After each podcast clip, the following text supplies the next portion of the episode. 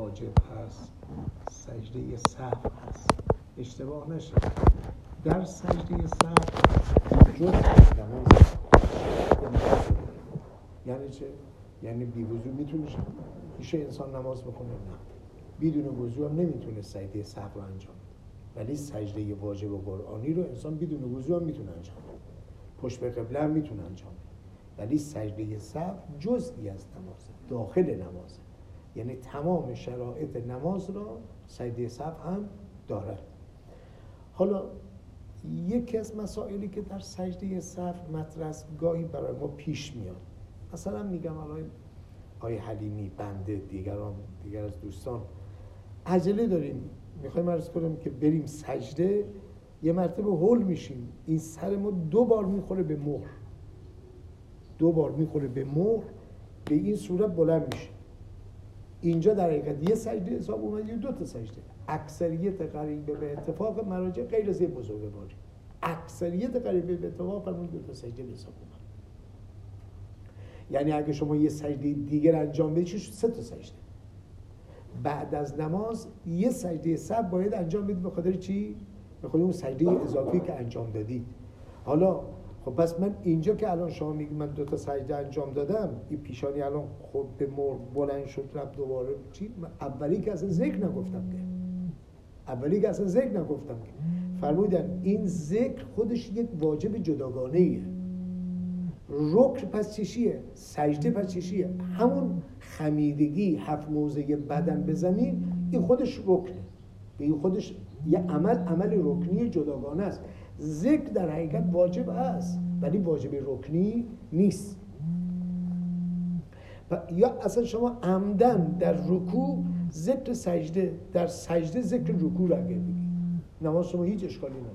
عمدن هم این کلمه اشکال نداره. خدا رحمت کنه آقای فاضل رو. آقای فاضل بزرگ خودمون رو. یه بنده خدایی از رمنه در حقیقت کنیم که می اومد مثلا دنبال طلبه ببره برای نماز جماعت. بعد درست کنیم که جمعه بود و طلبه هم هم رفتن مرخصی. یه مسجد خیلی جمع بودن بعد به این آقا گفتن که شما برید محض فیضی شاید یه کسی رو پیدا بکنید. بس این همه جمعیت از فیض نماز جماعت بی بهره نمیشه این بنده خودم خیلی آدم ساده ای بود و موتورش رو روشن یعنی آمد محض فیضی ها فاصله دیدی کسی خواهد باجر چه خبر چی شد به سر من؟ گفت والا مردم جمع هستن روش کرد در این نماز بخون بیام. آقا موتور روشن کن من میام. به موتور روشن کرد آقا خوشم باشه موتورش نشسته اومد اشان هست. نماز که خوند و برگشت مرحوم آقای فاضل درس کردم که ذکر رکوع رو در سجده ذکر سجده در رکوع گاهی گاهی همیشه هفت بار تکرار می‌کنه. هفت بار تکرار می‌کرد ولی جابجا می‌کرد این ذکر. ذکر رکوع رو سجده سجده رو بعد این بنده خدا ارز نماز که تمام شده اینا آقا موضوع سوار کرد که بیاره مسجد. آقا بوده همش به که حال خش نیه حال جو بعد معلومه حفظ پرتی داشتی رکوع که تی سجده ذکر سجده که تی سجده ذکر می‌کنی. قاطی اگری قاطی اگری آقا من نفسم من قاطی بادی نگردم که. اشکالی نداره ذکر رکوع سجده سجده رکوع اشکال نداره. خب پس پس همین که در واقع ارز کنم که سر رو من گذاشتم بالای مهر اشتباها نشد ذکر بگم اصل سجده درست. اما چون یه دو تا سجده با ذکر گفتم یک سجده بی ذکر. اینجا بعد از نماز دو سجده داریم دو سجده صف چه جوریه؟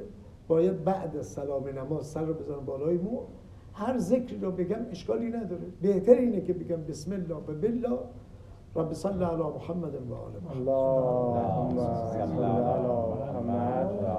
فرمودم ذکر دیگری مثل ذکر سجده و سبحان ربی الاعلی و دارم بگید اشکالی نداره. اصل اون سجده مهم بعد دو تا سجده که انجام دادم تشهد و سلام آخر نماز این شد به سجده یه سر. یه سلوات بفرست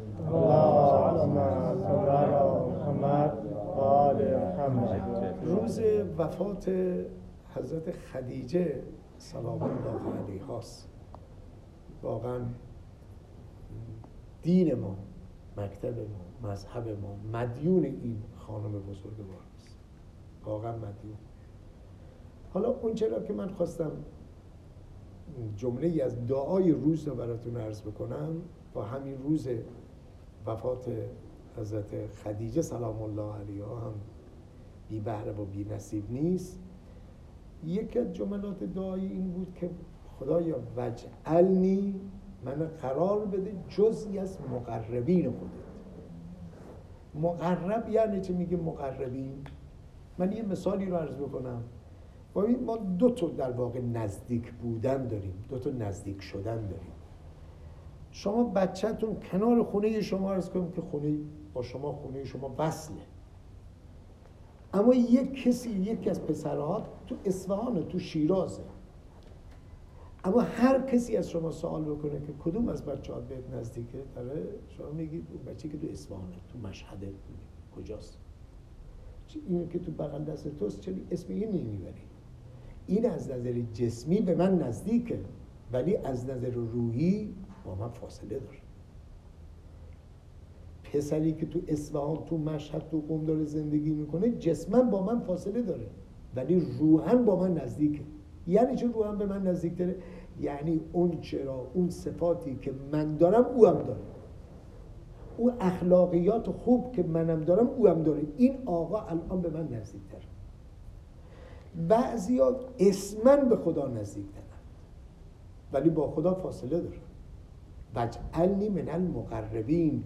کسانی باشیم که به خدا نزدیک باشیم.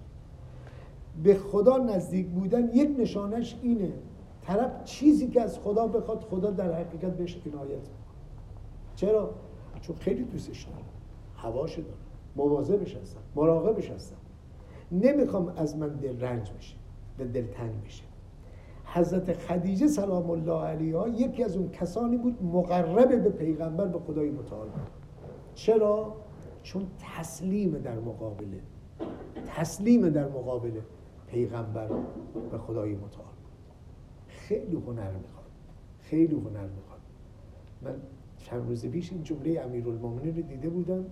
فرمود اگه کسی بخواد دنیا طلبی خودش را بکشه دنیا طلب نباشه فرمود راهش اینه که زهد رو پیشه بکنه. اهل زهد باشه. زهد یعنی چه؟ که اهل زهد باشه. یعنی نه اینکه عبای کهنه به تن بگیره عبای پاره به تن کفش پاره. نه این نیست. زود پس چیه امیر المومنین فرمان زود به اونی که میگن که انسان مال داشته باشه ثروت و سرمایه داشته باشه ولی اسیر اون مال نباشه. بنده و برده اون مال نباشه. خدیجه سلام الله علیها ثروتمند بود ولی اسیر مال خودش نبود. اسیر نبود آزاد بود. تمام طلا و جواهرات و تمام ارز کنم که شطورهای بالکش و تمام ثروت سرمایه منقول و منقول و آب منقول و غیر منقول و آورد محضر پیغمبر اسلام گفت آقا ارز کنم مال شما منم کنیز شما. هنر می‌خواد حرف زدن خیلی راحته. هنر می‌خواد واقعا. واقعا چشم پوشی. یکی از مقربین بود. حالا من این تکه رو بگم. نماز رو بخونم بیشتر از این مزاحمتون نباشم. یه سلوات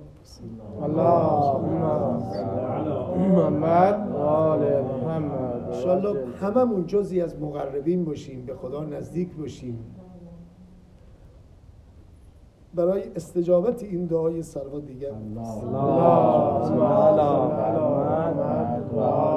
محمد و عجل واقعا آدم تو زندگی بعضی از بزرگان وقتی که نگاه می‌کنه اینا خیلی خیلی به خدا نزدیک بود. خیلی خیلی به خدا نزدیک بود. در بدترین شرایط زندگیشون در بدترین شرایط زندگیشون از خدا در حقیقت نبریدن. من یک تکه فقط می‌خوام عرض بکنم این چقدر اینا نزدیک بودن. مرحوم عاشق عباس قمی رحمت الله از حرم علی ابن موسی رضا علیه السلام. یعنی الان شنیدم یک کسی سر کلاس به امام رضا جسارت کرد توهین کرد. خاک تو سری همچه آخوندی کردن که به اسم ارز کنیم که طب سنتی اونم به ولی خدا به امام رضا علیه السلام جسارت می‌کنه. امام رضا عین این جمله رضا کیه؟ خداست که آجد. تو نمی‌فهمی. تو وهابی هستی. تو اگه میفهمیدی مگر از کنیم که پیراهن حضرت یوسف را مگه یوسف علیه السلام برای باباش نفرستاده چشم نابینایی او بینا شد. اگه میفهمیدی این آیه شریفه رو حداقل میفهمیدی. واستعینوا به صبر و صلاح و انها لکبیرتون الا علی الخاشعین اگر میفهمیدی که نفهمیدی این آیه شریفه را یا ایها الذین آمنو اتقوا وابتغوا الیه الوسیله. گفت از حرم امام رضا علیه السلام وقتی که بیرون آمد حاله از نور عاشق عباس قومی رحمت الله علیه را گرفته بود. حاله از نور. بعد این طرف میگه من تعقیب کردم دیدم این نور نور امام رضا علیه السلام که بهش اهدا کرد همراه او هست. رسیدم یه جای خلوتی. گفتم حضرت آقا من دیدم شما حاله از نور قرار دارید فرمود بله ولی تا زمانی که زنده هستم راضی نیستم برملا بکنم. کسی که به امام رضا نزدیک باشه کسی که به اهل بیت پیغمبر نزدیک باشه نور میدن خودشون نور نور هستن. به ما هم نور میدن به نورانیت میدن. امیدواریم خداوند به همه ما توفیق نزدیک شدن به پیغمبر به اطرت پیغمبر. همه ما مرحمت بفرمایید. اگر اگر اگر تو دنیا حداقل این لیاقت نداشتیم تو برزخ تو قیامت این لیاقت داشته باشیم به اینا نزدیک بشیم. به اینا نزدیک بشیم. نزدیک شدن به اینا نزدیک شدن به خداست. اگر اونا به ما عنایت بکنن خدا هم به ما عنایت می‌کنه. اونا در حقیقت جانشین خدا هستن خلیفه خدا هستن در روی زمین شادی رو حضرت خدیجه سلام الله علیه آقا علی ابن رضا علیه السلام آقا علی ابن رضا امام هشتم علیه السلام انشالله روحش از همه ما راضی و خوشنود باشه. صلوات بفرستید. بر